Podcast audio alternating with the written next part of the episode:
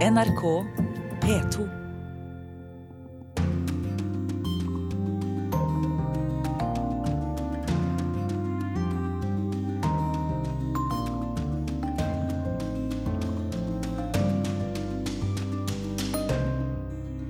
Dette ble vanskeligere enn jeg trodde, har president Donald Trump innrømmet. I dag har han regjert i 100 dager. Meningene om ham er delte, men sterke. USA har sterke politiske institusjoner som gjør at en, en sterk manns maktovertakelse egentlig ikke er mulig. Han har gjort alt han sa han skulle gjøre.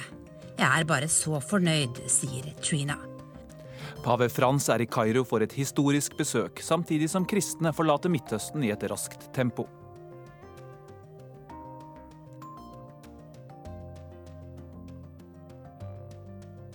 Presidentvalget i neste uke følges nøye fra nabolandet Tyskland. Og EU samles i dag for å diskutere brexit, og tonen har blitt merkbart tøffere den siste uka.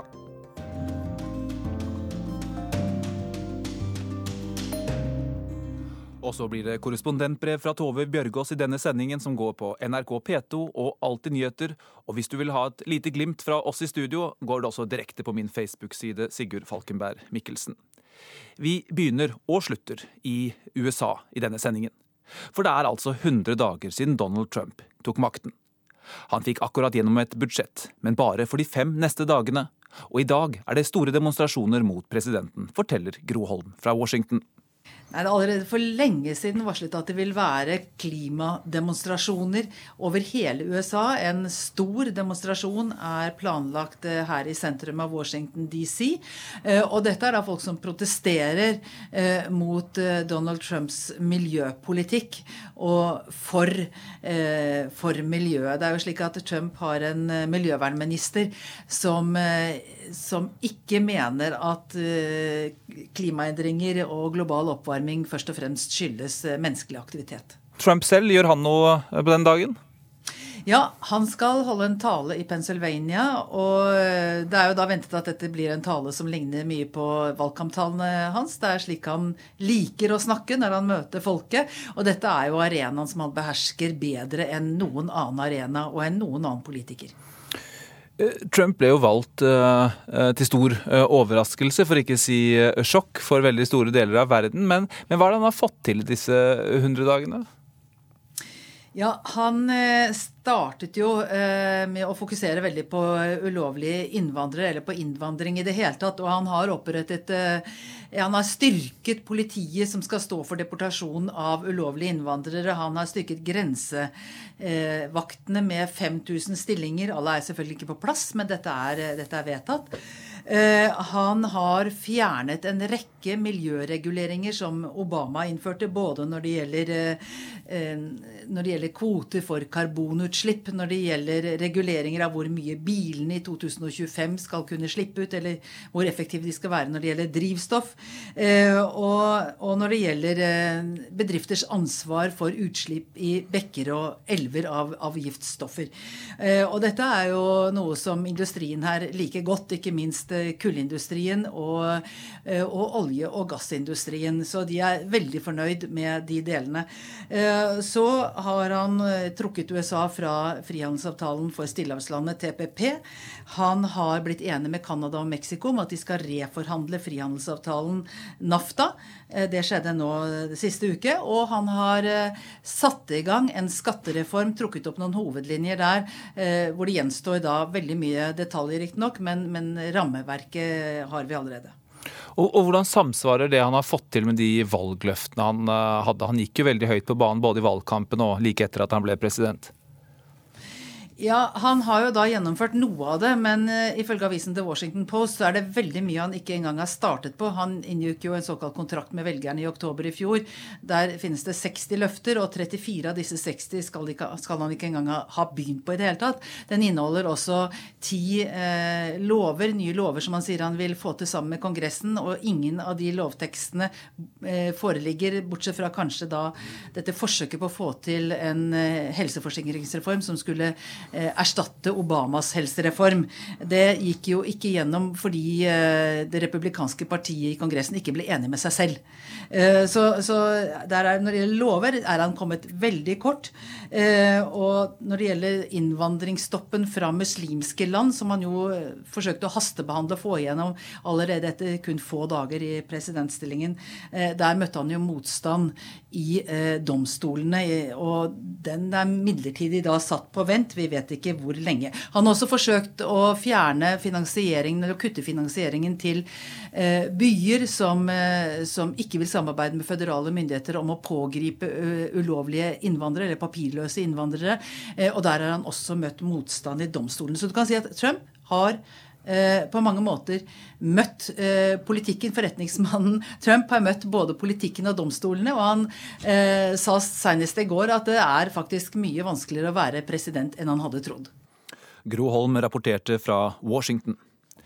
Absurd er et stikkord når norske rådgivere og kommunikasjonseksperter ser på Trumps første 100 dager. Reporter Anders Tvegård har mer.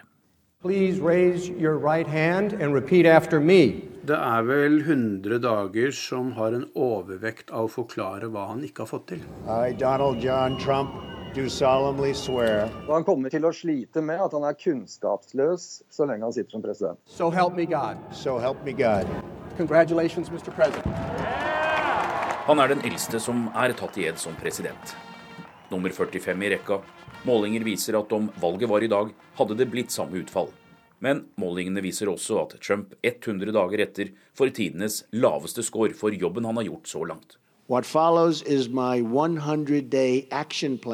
Den ambisiøse kontrakten med den amerikanske velger er langt fra oppfylt, men kjernevelgerne ser ut til å ha troen fortsatt.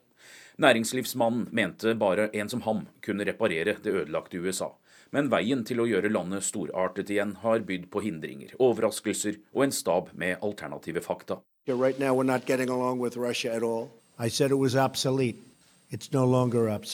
Kommunikasjonsrådgivere og lobbyister her hjemme er ikke imponert over Trump-administrasjonens 101. Først Rune Mørkvergland. Du ville jo blitt sagt opp hvis dette hadde vært en, i en ledergruppe i et stort norsk selskap, eller et stort amerikansk selskap, som skulle presentere researchen sin innenfor styret, og dagen etter blir tatt i så grove feil, så hadde hun mista jobben. Han er rådgiver i Wergeland Apenes og tidligere børsen Marsteller Topp. Wergeland mener en antatt styrke fra styrerommet fort kan bli en svakhet i det ovale kontor.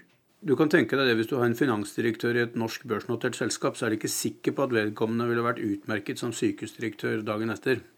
Eh, det er noe med å forstå hvordan ting er eh, bygd opp, eh, og hele veien. Så det fungerer nok mye bedre som retorikk å få velgere. Det er ikke sikkert det fungerer i praksis. Vi er i en what you see is what you get-situasjon. Sist her var stemmen til Morten Wetland på linje fra New York. Han er lobbyist i First House og tidligere FN-ambassadør og statssekretær. Vi ser vel en leder som er ganske overveldet over det han ser rundt seg en slags gjette i baronens seng i Det hvite hus, som eh, begynner å forstå at det er ikke bare å sitte der og treffe beslutninger. Han er en del av en maktfordeling og et amerikansk system som omfatter kongresser og domstoler, og det ser ikke ut til at han var forberedt på. da. It's not a Muslim band, but we were totally prepared. It's working out very nicely.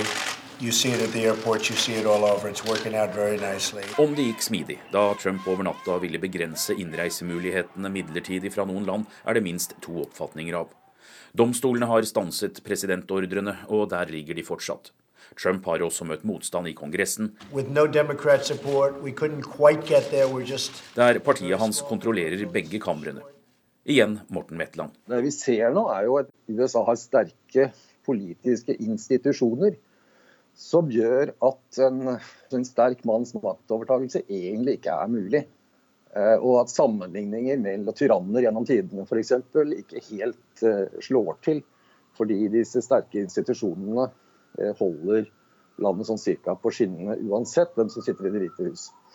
Trump trekker fram sin egen styrke som styreleder og beslutningstaker. Hvordan spiller den erfaringen inn i politikken? Jeg er ikke sikker på om man har erfaring fra styrerom med det, i det vi legger i styrerommet i Norge. Eh, det sies jo det at han pleide å drive forretningene som en form for familieperie med et par nære rådgivere i rommet, hvorav halvparten eller noe sånt nå, barn og, og svigerbarn og den slags. Og at han tar med seg sine barn og, og svigerbarn inn i Det hvite hus, ja, det bringer liksom 500 år siden pave Alexander 6. Liksom gjorde nepotisme til en stor kunst. Det, dette her, her er jo helt absurd, altså. Men mannen har altså ikke tilegnet seg kunnskap om offentlig sektor mer enn han absolutt må for å drive som uh, utviklingsprosjekter innen fast eiendom i USA. Det man ikke har lært seg på, på 70 år, det er ikke fort. Det er ikke gjort i en snøggvending å, å lære seg det på jobben. I hvert fall ikke som president. Du merker på retorikken hans at det irriterer ham noe voldsomt, uh, den motstanden han får. og han er jo egentlig ubevisst naken når han forteller at han var ikke klar over hvordan det er. Og dette med tredelingen av statsprinsippet som man har i alle velfungerende demokratier, eh, det skulle han være pålest på, men det er nesten så det irriterer ham at det faktisk fins på en måte eh, demokratisk valgte organer som kan overprøve selv han. Du har altså verdens mektigste land som styres av en mann som kommuniserer som en sint guttunge. Vi har jo sett på uh, hans uh, Twitter-konto at han har vist både kampvilje, slurv, unøyaktigheter, store fonter. Hvordan leser du meldingene hans? Altså, jeg tror de fleste i Norge og i Europa og i USA for den saks skyld oppfatter det som temmelig ab absurd at det sitter en president og sender Twitter-meldinger klokken to om natta når han blir irritert over noe han ser på TV. Ikke engang våre tenåringsbarn, han har sagt, gjør det der så veldig ofte. Trump står alene, eh, og i Norge så har vi et uttrykk som heter å fylle Twitteret, eller sende semester i fylla. Og en del av twitrene hans bærer jo preg av å være skrevet i affekt.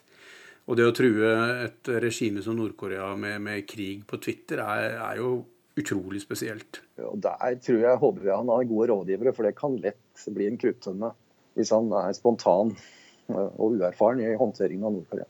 I have a running war with the media. They are among the most dishonest human beings on earth. Hvilke styrker ser du hos eh, Donald Trump? Altså, det er jo bare å ta av seg hatten for pågangsmotet. Eh, og det i seg selv er jo eh, det å ikke skulle være en som skal tilfredsstille alle, ikke en som alltid sier på den ene siden på den andre siden. Han er jo krystallklar, selv om det er inkonsekvent. Så du vet jo aldri hvor du har han over, over tid, men i hvert fall den neste halvtimen så er du veldig klar over hvor du har Donald Trump. And I got it done in the first 100 days. That's even nice. Hvis de, en del norske politikere hadde tatt sånn 2 Trump-pulver, så hadde det jo vært mulig å forholde seg til en del norske politikere. Liksom, vi må til ulvedebatten før det er eh, tydelige standpunkt. Mens ellers så er det jo veldig vage nyanser hele tiden. Så det er jo kanskje befriende med mannen, da, selv om det har forlatt hver eh, forankring i folkeskikken. Han er på en måte trofast mot kandidaten Donald Trump. Og, og han får mye positiv feedback også, ved at han er en ikke-politiker som kommer til uh, Washington og, og, snakke fritt og spontant og kunnskapsløst. Men, men det er ikke noe dårlig uh, sak det, i, i, i deler av befolkningen her borte. Vi hørte altså Morten Wetland og Rune Mørk Wergeland. Og vi har tatt litt uh, Trump-pulver her i redaksjonen også, og gir oss ikke med hans 100 dager. Vi har nemlig satt Joar Hoel Larsen på saken. Just think about what we can accomplish in the first 100 days of a Trump administration. Noen uker før valget i fjor inngikk Donald Trump en pakt med velgerne. Eller mer presist, han lanserte et program, riktignok ikke juridisk forpliktende, men et såkalt veikart, som han gjerne kaller den slags i politikken, dette vil jeg gjøre de første hundre dagene. This is my pledge to you. And if we follow these steps, we will once more have a government of, by and for the people. 100 dager senere sitter vi med vareprøven og vet svaret. Han har vært lojal mot sine løfter og sine velgere, men det meste av det som ble lovet i fjor høst, er fremdeles ugjort ikke minst fordi en president ikke er allmektig. Han må forholde seg til Kongressen og Grunnloven, til budsjetter og ikke minst til virkeligheten. Så IS er ikke knust, Obamacare er ikke erstattet, muren mot Mexico er ikke bygget, Hillary Clinton er ikke i fengsel, og Nato, som var gått ut på dato I said, here's the problem with NATO. It's obsolete. Big statement to make when you don't know that much about it, but I learned quickly. Men da Nato-sjef Jens Stoltenberg var på besøk hos Trump, var presidenten åpenbart av en annen mening. I said it was obsolete. It's no longer obsolete. Men disse rundetidene, eller karakterboken ved passering 100 dager, om man vil, som han selv var så begeistret for i fjor høst, er i grunnen noe tøv, sier Trump nå, ifølge CNN. President Trump has empirically had a disappointing first 100 days. Perhaps that's the reason he recently tweeted about the quote, ridiculous standard of the first 100 days. I USA har det gjerne vært slik at selv de som stemte på den tapende kandidaten, har respektert resultatet og gitt den nyvalgte litt arbeidsro. Men med Trump har det vært omvendt. Han ble valgt nettopp for å ordne opp og for å lage vei i vellinga i Washington. We will drain the swamp in Washington, D.C. Han har utfordret opposisjonen og provosert mediene med sine ytringer. Så i denne presidentens første 100 dager har det, i strid med tradisjonene, vært utallige konfrontasjoner.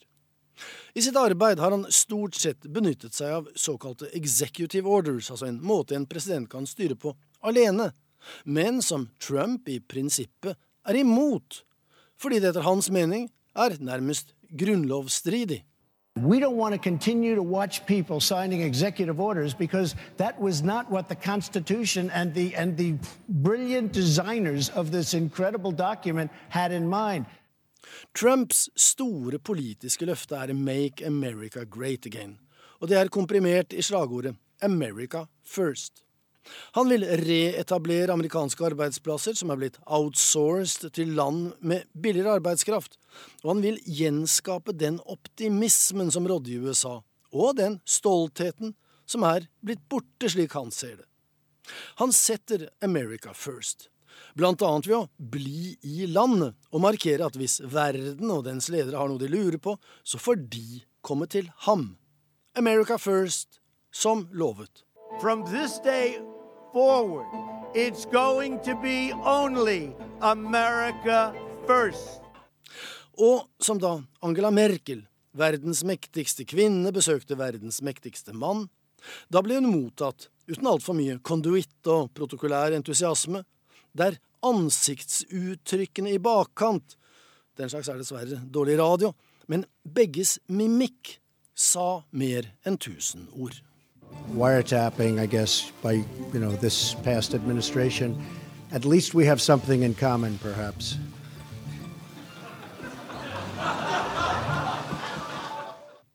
I løpet av sine første 100 dager i 2009 besøkte den internasjonalt orienterte Barack Obama ni land og spilte én runde med golf.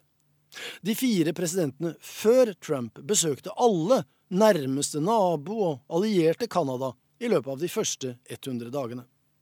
Donald Trump har ennå ikke vært utenlands, ei heller i Canada. Til gjengjeld har han tilbrakt ca. 25 dager i Florida, og så vidt de politiske golfobservatørene har registrert, spilt golf 16 ganger, hvilket han etter eget utsagn egentlig ikke har tid til. Because I'm going to be working for you. I'm not going to have time to go play golf. And I just want to stay in the White House and work my ass off, make great deals, right? Who's going to leave? Who's going to leave? Det vi kan se på de første 100 dagene, er at verdenshandelen skal skje på USAs premisser. Derfor må bindende avtaler enten reforhandles eller sies opp. Fremmedfrykten skal settes i system, angivelig for å forhindre terror, enten det er innreiseforbud, strengere visumkrav eller høyere mur. Miljøtiltak er opphevet eller reversert, og amerikanerne skal fremdeles kjøre bensindrevne biler laget i USA. For øvrig noe han selv, som president, ikke kan gjøre, og dermed savner. You like to drive? Yeah, I like to drive. I'm, I can't drive anymore. Verden er ikke nødvendigvis blitt et farligere sted med Donald Trump, men den er blitt adskillig mer uforutsigbar. Forsvaret rustes opp, og krigsveteraner løftes frem som helter. Helse skal igjen i større grad bli en privatsak, og familien blir viktig de kommende år. Ikke nødvendigvis den tradisjonelle amerikanske kjernefamilien og de såkalte family values, men presidentfamilien, som rådgivere i Trump-administrasjonen med innflytelse i Det hvite hus.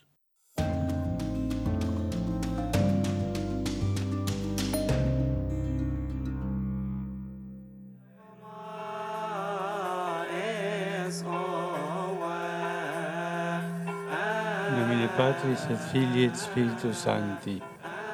Pax Vovis. Vi har flyttet oss til Kairo og Egypt, hvor eh, pave Frans eh, fortsetter sitt eh, besøk. Han holder akkurat nå en stor messe i friluft på en stadion. Dette er på mange måter et historisk besøk, som også kommer i en spent tid med mange konflikter mellom kristne og muslimer i regionen. Og generalsekretær i Kirkenes verdensråd, Olav Fykse Tveit, han følger besøket i Kairo. Det er jo en veldig oppmerksomhet rundt dette besøket. Det er plakater og velkomst for paven overalt, i alle gater. Jeg tror at det, det viktigste nå har vært å vise at Egypt er et land som er villig til å ta imot paven. Og at den ledende muslimske leder her, altså den store imamen i den berømte Al-Azhar-moskeen, er den som er verdt for han. Og legger til rette for en eh, samtale mellom kristne og muslimske ledere på verdensplan her i Kairo. Det, det gjør at Kairo og Egypt blir et sentrum for dialog. Og det blir et sentrum for nye tiltak mellom muslimske og kristne, både her og i verden. Og Det tror jeg egypterne er veldig stolte over. Og jeg tror at det er en veldig positiv effekt av dette. Det har vært eh, knyttet eh, frykt opp mot eh, eventuelle hendelser. Det har vært flere terrorangrep mot kristne i Egypt. Hvordan er sikkerhetstiltakene rundt besøket? Ja, De gjør jo helt sikkert alt de kan for å forhindre at noe slikt skjer. og det når vi, når vi, kjørte til dette arrangementet i går, så var det jo politifolk på hver 50 meter bortover veien. Eh, det har jeg nok hatt ganske god kontroll på, har jeg inntrykk av. Og Hva tror du pave Frans og dette besøket kan gjøre for uh, forholdet mellom kristne og muslimer i uh, regionen? Altså, denne veka så har jeg også Kirkenes verdensråd som, som jeg leder, hatt dialogsamtaler med, med et tilsvarende organ på muslimsk er altså et råd for muslimske eldre, eh, ledere fra hele verden, og denne storimamen her, for å diskutere hva skal grunnlaget være for sameksistens. Og vi er enige om dette begrepet citizenship, altså eller medborgerskap, må legges til grunn nå for å gi alle samme rettigheter og samme muligheter, men også samme forpliktelser. Og Det er også eh, den basisen som, som pave Frans går inn i og, og, støtter veldig. I tillegg til at han gir dette en veldig symbolsk tung eh, betydning ved å komme hit sjøl og, og, vise at dette er så høyt på hans agenda. Og I tillegg så tror jeg denne lederen for eh, Al-Azhar-moskeen her, og i den institusjonen, at han går så tungt inn i dette gjør at veldig mange muslimer nå hører etter og, og, ser at nå må vi stå sammen mot vold, mot terror, mot denne måten å behandle andre på. Og Jeg tror at dette kan være en vekker for, for veldig mange, også i mange i andre deler av verden. Et håp om at den kristne muslimske relasjonene kan bli mye bedre. Det sa altså generalsekretær i Kirkenes verdensråd, Olav Fykse Tveit, eh, som jeg snakket med fra Kairo eh, i dag eh, morges. Og vi skal videre til eh, Beirut og Midtøsten-korrespondent Kristin Solberg. Paven er altså i Egypt, og vi hørte her at det er et land med en stor kristen minoritet, og altså et sted for dialog. Men den kristne minoriteten har også problemer der, og hva slags hindringer og utfordringer er det de har i sitt dagligliv? Ja, I dag så er de kristne i Egypt inne i en veldig vanskelig periode. Og først og fremst så går den eh, på sikkerhet. Tidligere så har den gått mer på diskriminering, eh, f.eks. tilgang til jobber i statsapparatet, mulighet til å bygge og renovere kirker. Eh, kristne har vært mer utsatte for landets blasfemilover, for å nevne noe. Men, men i dag så er først og fremst hovedutfordringen sikkerhet, og, og, og de kristnes opplevde sikkerhet, ikke minst. Eh, ikke at det har blitt veldig mye bedre på de andre frontene, men det er mer at det har vært flere angrep den siste tiden som har overskygget eh, det meste, det meste annet. Og Vi så jo hvordan det ble verre i eh, Egypt for de kristne etter, etter den såkalte arabiske våren. Først så kom det muslimske brorskapet til, til makten, og, og mange kristne følte seg utsatte i, under et islamistisk styre. Og de følte at, at president Mohammed Morsi var en, var en, president for muslimer og ikke, ikke, for de kristne. Og Delvis så, så vi det i, i retorikken eh, hans også. Eh, så ble jo Morsi og brorskapet avsatt, og da ble det verre. Eh, vi så vold mot kirker. Nå, er det ikke.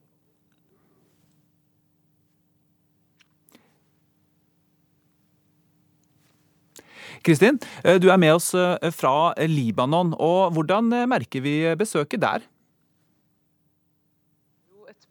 Betydningsfullt eh, besøk, uten at man, eh, man, skal overdrive betydningen heller. Eh, mange kristne her ser jo positivt på, på, besøket. Her er de fleste kristne katolikker, til forskjell fra Egypt, der de fleste tilhører den koptisk-ortodokse kirken. Og, og, både her og der så ses det på som en, som en symbolsk viktig solidaritetshandling. At han kommer i en tid hvor det har vært mange angrep mot kirker. Vi så jo også i går hvordan han han eh, ba på en gudstjeneste i St. Peter eh, og St. Paulskirken i, i Kairo. Det var den kirken som ble rammet av, av terrorangrep i desember. Da ble jo 29 mennesker drept. Siden så var det jo nylig et, et angrep mot to kirker, eh, sist på Palmesøndag, der 45 mennesker ble drept. Slik at i en tid hvor det har vært mange terrorangrep mot de kristne, så blir det sett på som en, som en viktig solidaritetshandling. Og at han kommer, setter også fokus på problemet. Eh, ikke bare i Egypt, men også hvor utsatte kristne minoriteter er mange andre land i Midtøsten, som f.eks. Irak og de siste årene også i, eh, i Syria. Eh, men det skal sies at de fleste innser jo at dette ikke er nok. Eh, mange er veldig bekymret over situasjonen i Egypt, og, og, og, og håper det ikke skal utvikle seg som det gjorde i, eh, i Irak eh, for noen år tilbake. Um, og det er faktisk blitt så ille at mange kristne i Egypt vurderer å forlate landet fordi de føler seg så utsatt i, i denne tiden.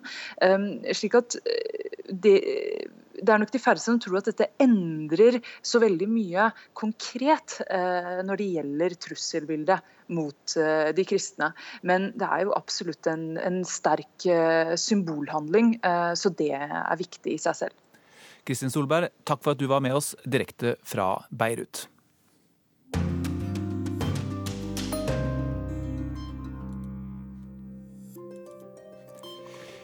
Du hører på Urix eh, på lørdag. Klokka har akkurat passert eh, halv tolv. Følg med videre, så blir det mer om det franske presidentvalget, bl.a. sett fra Tyskland. Presidentvalget i Frankrike er avgjørende for Tysklands plass i Europa. Ja, til og med viktigere enn deres eget valg til høsten, mener flere analytikere. Og så blir det korrespondentbrev fra Washington.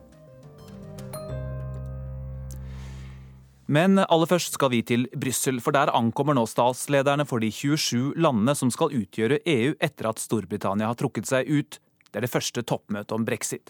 Her skal de legge planer for hvordan forhandlingene skal foregå, og EUs ledende politiker, Tysklands forbundskansler Angela Merkel, var krystallklar tidligere i uka. Først må de bli enige om betingelsene for selve utmeldelsen, dernest kan de forhandle om forholdet med Storbritannia. Og Philip Lote, du er i Brussel ved inngangen til EU-rådsbygningen. Hvem av lederne har ankommet eh, så langt?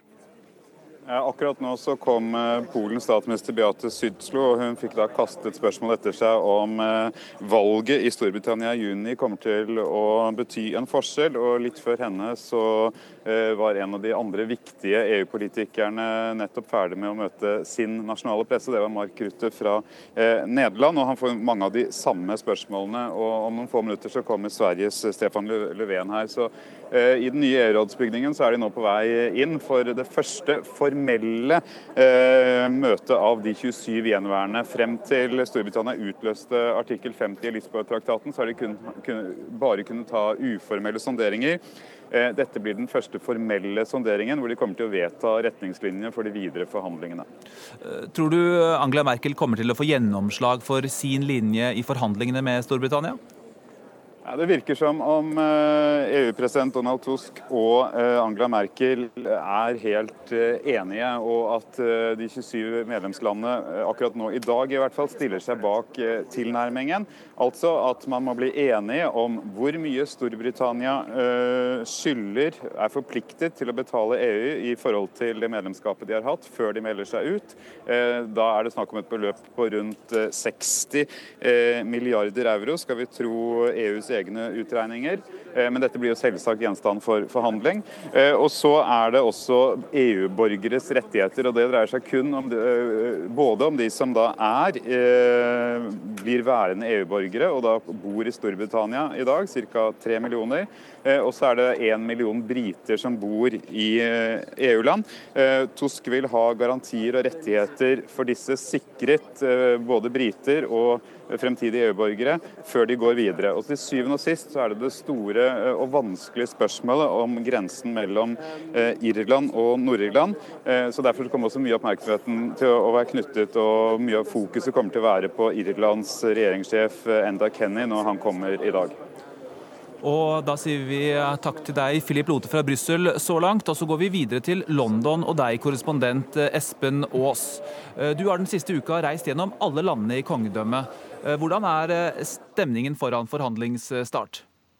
Altså Blant uh, folk flest, som vi sier, altså de som var med på å stemme frem dette resultatet, så synes det jo at dette allerede har tatt veldig lang tid. De som var med på å stemme Storbritannia ut av EU, stiller seg spørsmålet Eh, hvorfor har ingenting skjedd? Nå er det snart et år siden eh, vi stemte over dette. Fortsatt er alt helt likt som eh, det var da, så der er det en veldig utålmodighet. Og ellers blant de som vel følte at de tapte i denne avstemningen, så er de veldig avventende. De lurer på hvorfor ikke de får noen som helst informasjon om de forskjellige scenarioene.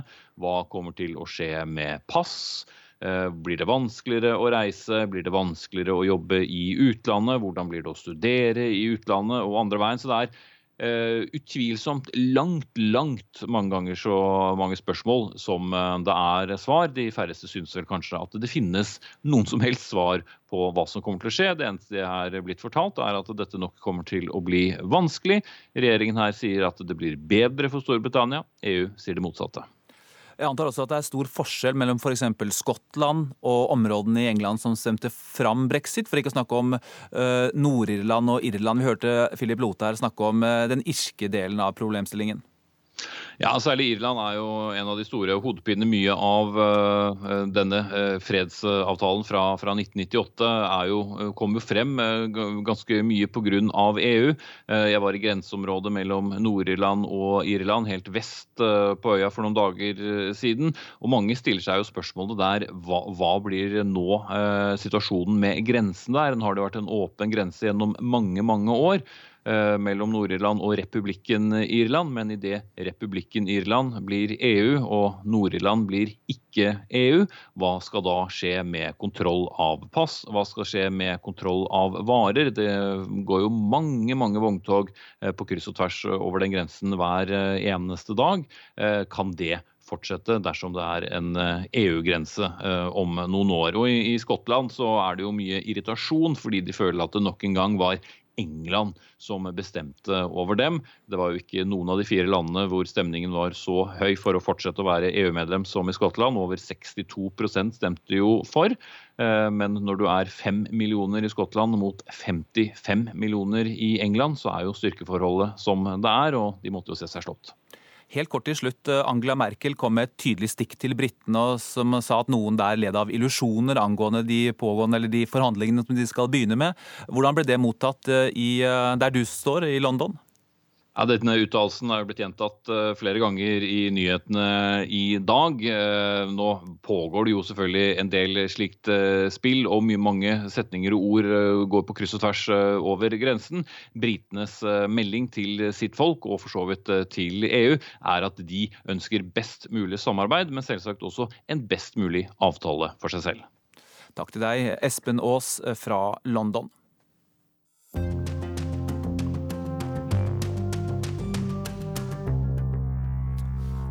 Vi holder oss innenfor eh, europeisk eh, politikk, for om én uke skal det avgjøres. Blir det Emmanuel Macron eller Marine Le Pen som tar over makten i Frankrike?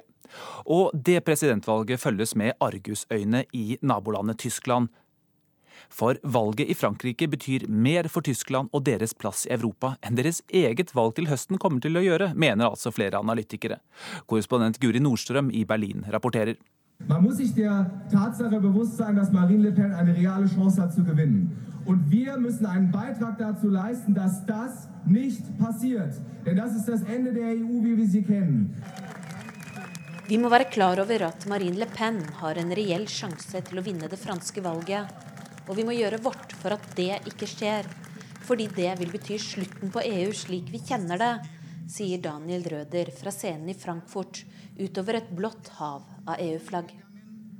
Han er med på å arrangere den ukentlige demonstrasjonen for et forent Europa. En demonstrasjon mot nasjonalisme og EU-skepsis, som også har spredd seg til Berlin de siste månedene. Etter første runde i det franske presidentvalget ble det på offisielt hold trukket et lettelsens sukk her i Tyskland. Mit Emmanuel Macron würde jemand französischer Präsident, der für einen neuen Aufbau in Europa steht. Emmanuel Macron vil bli en president som står for en ny begynnelse i Europa. Deutschland und Frankreich wieder enger zusammenführen wird.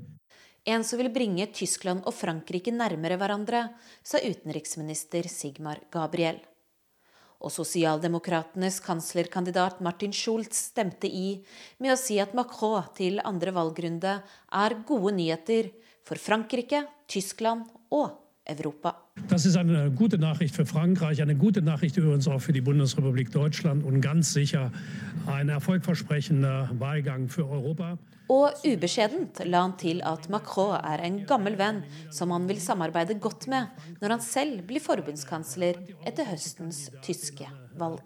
Gewinnen wird er im zweiten Wahlgang, hoffe ich, in jedem Fall mit einer breiten Mehrheit. Und dann könnten wir, er als Präsident in Frankreich und ich als Kanzler der Bundesrepublik Deutschland, auf der Grundlage einer nachhaltig gestärkten deutsch-französischen Kooperation die Reform der Europäischen Union in Angriff nehmen.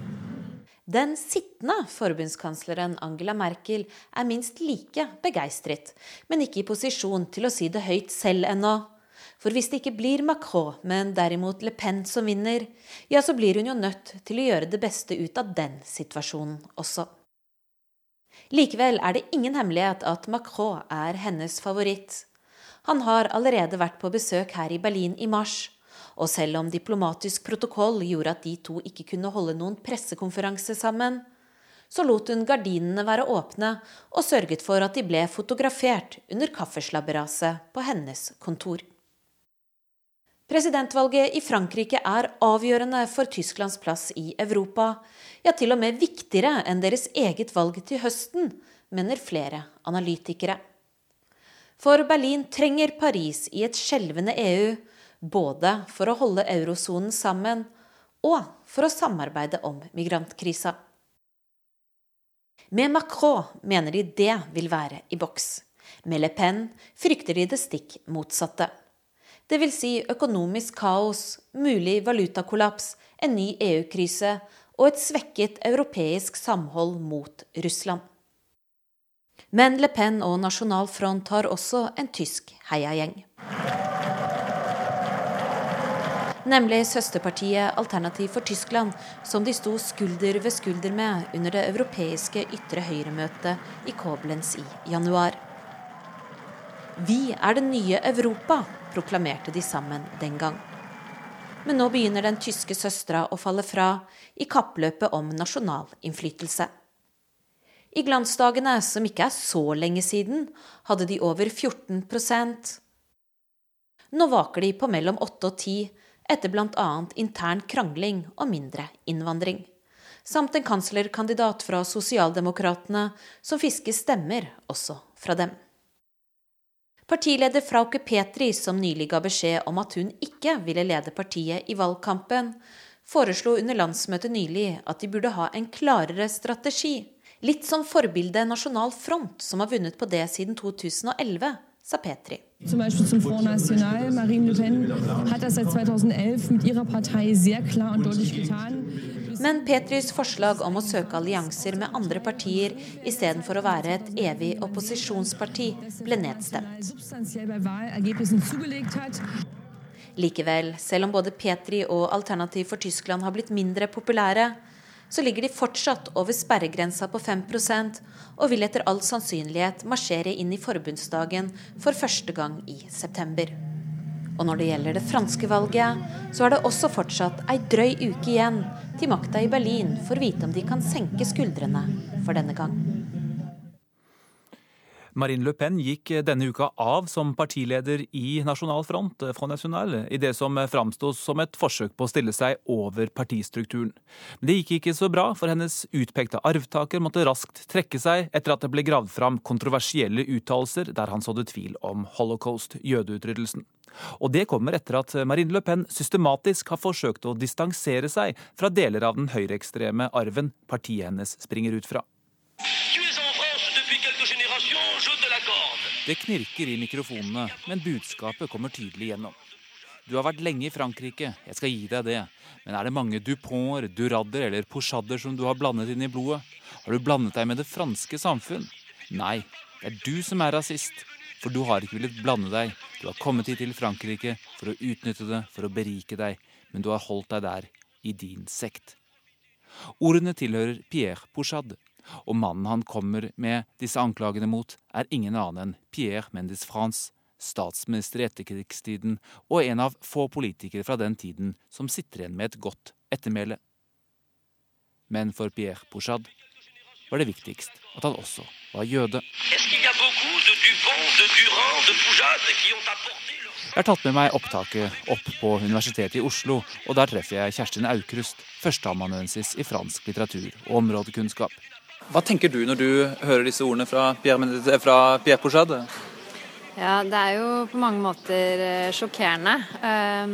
Men samtidig så, så er det fortsatt noe av den samme retorikken vi hører i dag i enkelte, enkelte grupper, politiske grupper. Der man anklager noen folkegrupper for å utnytte Frankrikes sjenerøsitet for å utnytte velferdssamfunnet, velferdsstaten, eh, uten å bidra selv eh, til å gjøre Frankrike bedre og Frankrike rikere.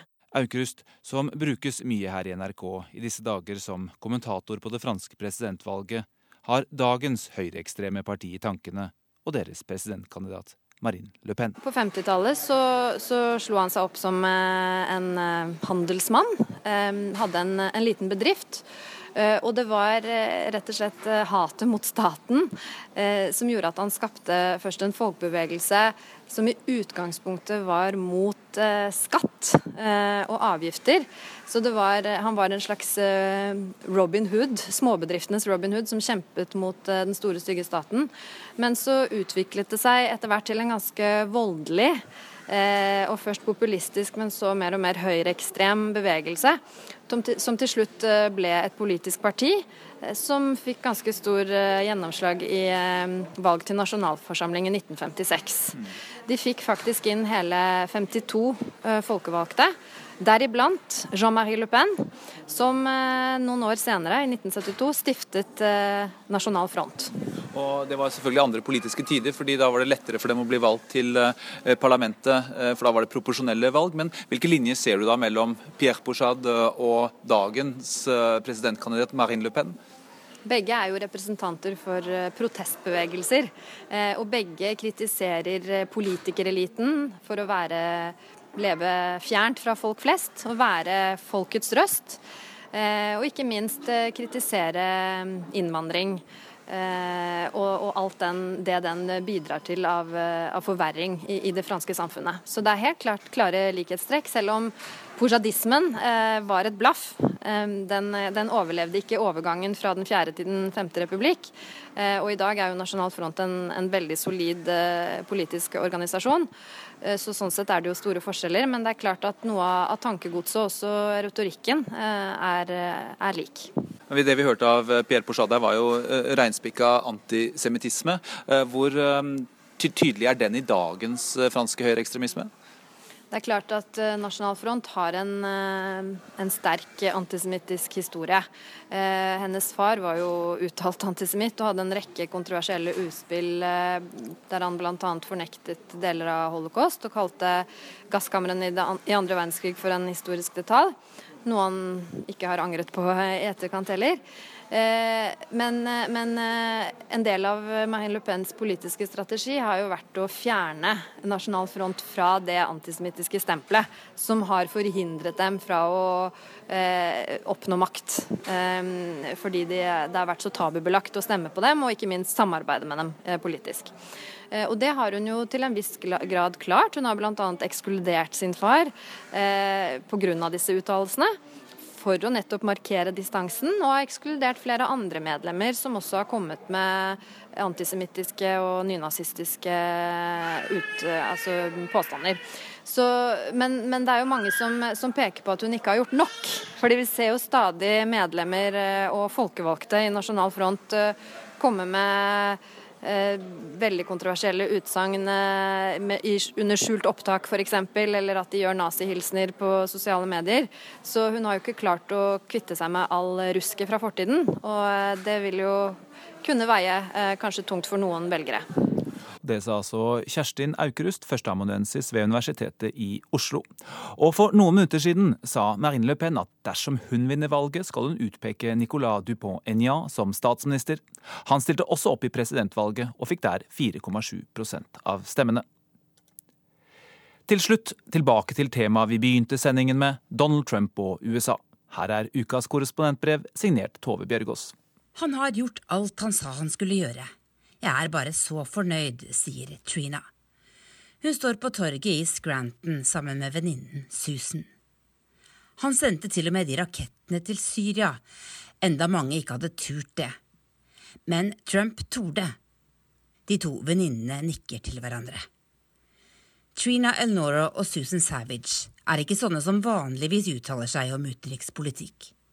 Men selv om det er vanskelig å få jobb, betale helseforsikringspremier og få endene til å møtes, føler de at de er vinnere nå. Og vinnere kan uttale seg om det meste, for vinnere blir tatt på alvor. Demokratene som styrer i byen deres, kan bare ha det så godt. De har alltid trodd makt kommer av seg selv. Det har skrantet lenge her i Scranton, halvannen time vest for New York. De siste årene har denne lille byen i Pennsylvania blitt en slags turistattraksjon for TV-seere. Det var her de ansatte i det fiktive selskapet Dunder Mifflin solgte kontorutstyr og bedrev sine intriger i TV-serien The Office, eller Kontoret som den het på norsk. Men serien er slutt for flere år siden. Akkurat som mye av det andre som en gang gjorde Scranton til en vellykket industriby i rustbeltet. En gang var det både kullgruver og tekstilfabrikker her. I dag er det ikke mange arbeidsplasser å få tak i. Men Donald Trump vil få økonomien til å skyte fart, forklarer Trina og Susan, som begge kunne trenge mer å gjøre. De er vant til løftene til politikere.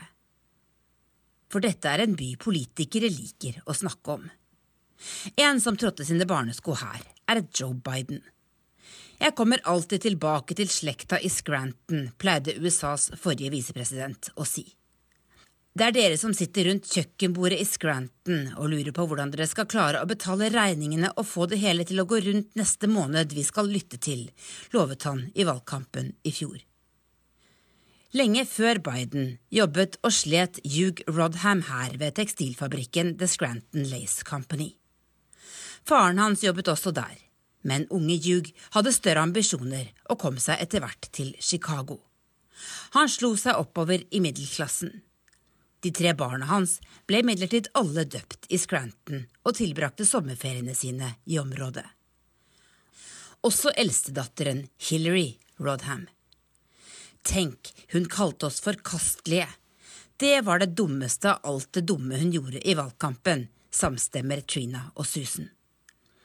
Journalister som meg har laget reportasje etter reportasje om disse hvite, før sinte, nå stolte amerikanerne som valgte en milliardær og TV-kjendis til president. I kveld kommer han de valgte nettopp hit til Pennsylvania for å feire sine første heseblesende 100 dager i Det hvite hus. Han vil takke velgerne her for at han som første republikaner siden Ronald Reagan vant i Pennsylvania. Men det kommer neppe til å komme mange som ikke stemte på Trump på folkemøtet i Harrisburg i kveld. De utmattende meningsmålingene viser at han er historisk upopulær for en president så tidlig i sin gjerning. Men samtidig viser de at de som stemte på Trump, er svært godt fornøyde. Trina og Susan er i grunnen litt skadefro der de står på torget i Scranton. Forstår de naboer og venner som stemte på Clinton? Nei, ikke nødvendigvis. For verken hun eller de velgerne forstår jo oss. De ser ned på oss, mener de to kvinnene. Vi er mange som forsøker å forstå USA nå. Ikke minst amerikanerne selv. De sjokkerte taperne etter valget har begynt å komme seg etter sjokket. Og mens noen har fokusert på å demonstrere og samle inn penger til klimakampanjer og annet, har andre gitt seg i kast med det høyt utdannede pleier å gi seg i kast med når de vil forsøke å forstå noe litteraturen. Det er bøker som kan forklare det som skjedde i november, som topper bestselgerlistene for sakprosa her nå. I lesesirkler her i mitt hyperdemokratiske hjørne av Washington DC er det to bøker som leses flittig. Den ene heter Hillbilly Elegy, eller Hillbillyens klagesang, og er skrevet av en tidligere marineinfanterist og Yale-jurist som vokste opp i fattige Kentucky. I boka si forsøker J.D. Vance å fortelle historien til fattige hvite amerikanere i rustbeltet, og hvordan hele kulturen deres er i krise. Den andre boka har en mer provoserende tittel.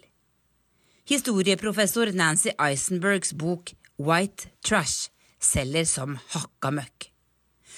Den forteller den 400 år lange historien om den hvite underklassen i dette landet. Boka tar systematisk for seg de fattige i USA, fra kolonitida fram til i dag. Men bare de hvite.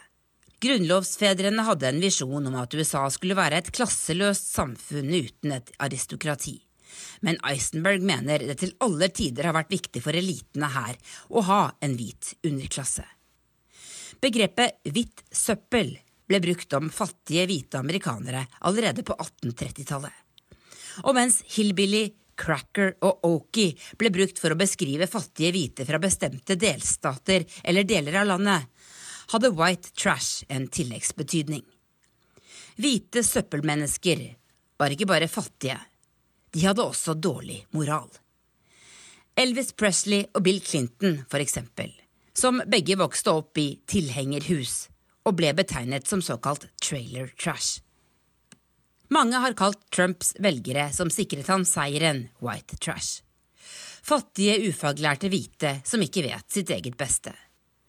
Men bokormene blant demokratene, som virkelig vil forstå hvorfor så mange ikke stemte på Hillary Clinton fra Scranton, fikk i forrige uke en ny bok å kaste seg over.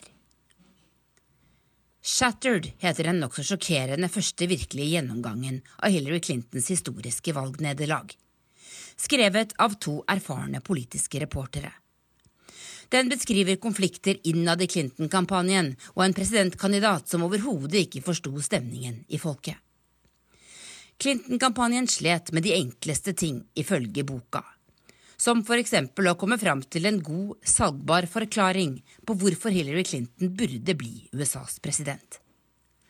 Boka skildrer også pengeinnsamlingsmiddagen 12.9. i fjor, da Hillary Clinton kalte halvparten av Trumps tilhengere forkastelige.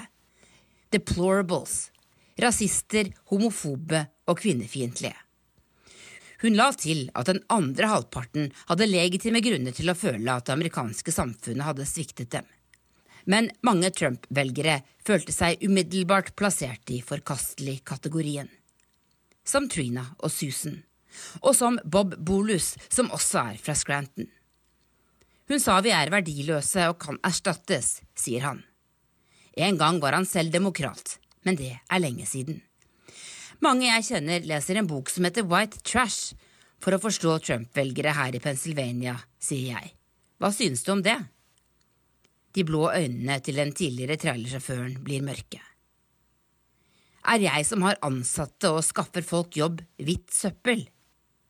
Bolus har et klistremerke på bilen sin hvor det står Alle liv betyr noe, i stedet for Black Lives Matter. Demokratene mener du bare betyr noe om du er svart eller rød eller gul, alle andre farger enn hvit. Når du tror du er bedre enn andre, da går det ofte galt, sier han. I 100 dager har president Trump kjørt en slags berg-og-dal-bane med oss. Det har skjedd masse, men egentlig har det ikke skjedd så mye. Han har lovet og gått fra løftene sine. Men i Scranton er Trumps tilhengere fornøyde. For Trina og Susan gjør det ingenting at muren mot Mexico fortsatt mangler finansiering, at det ikke ble noe innreiseforbud, og at Trump nettopp sa han har ombestemt seg når det gjelder NAFTA. Det er lov å ombestemme seg. Det er en ærlig sak, sier Trina. Men det er ikke lov til å tro at du er bedre enn andre. Og med det er ukas Urix på lørdag slutt. Teknisk ansvarlig Ida Laral Brenna, produsent Ulf Tannesfjell, her i studio Sigurd Falkenberg Mikkelsen.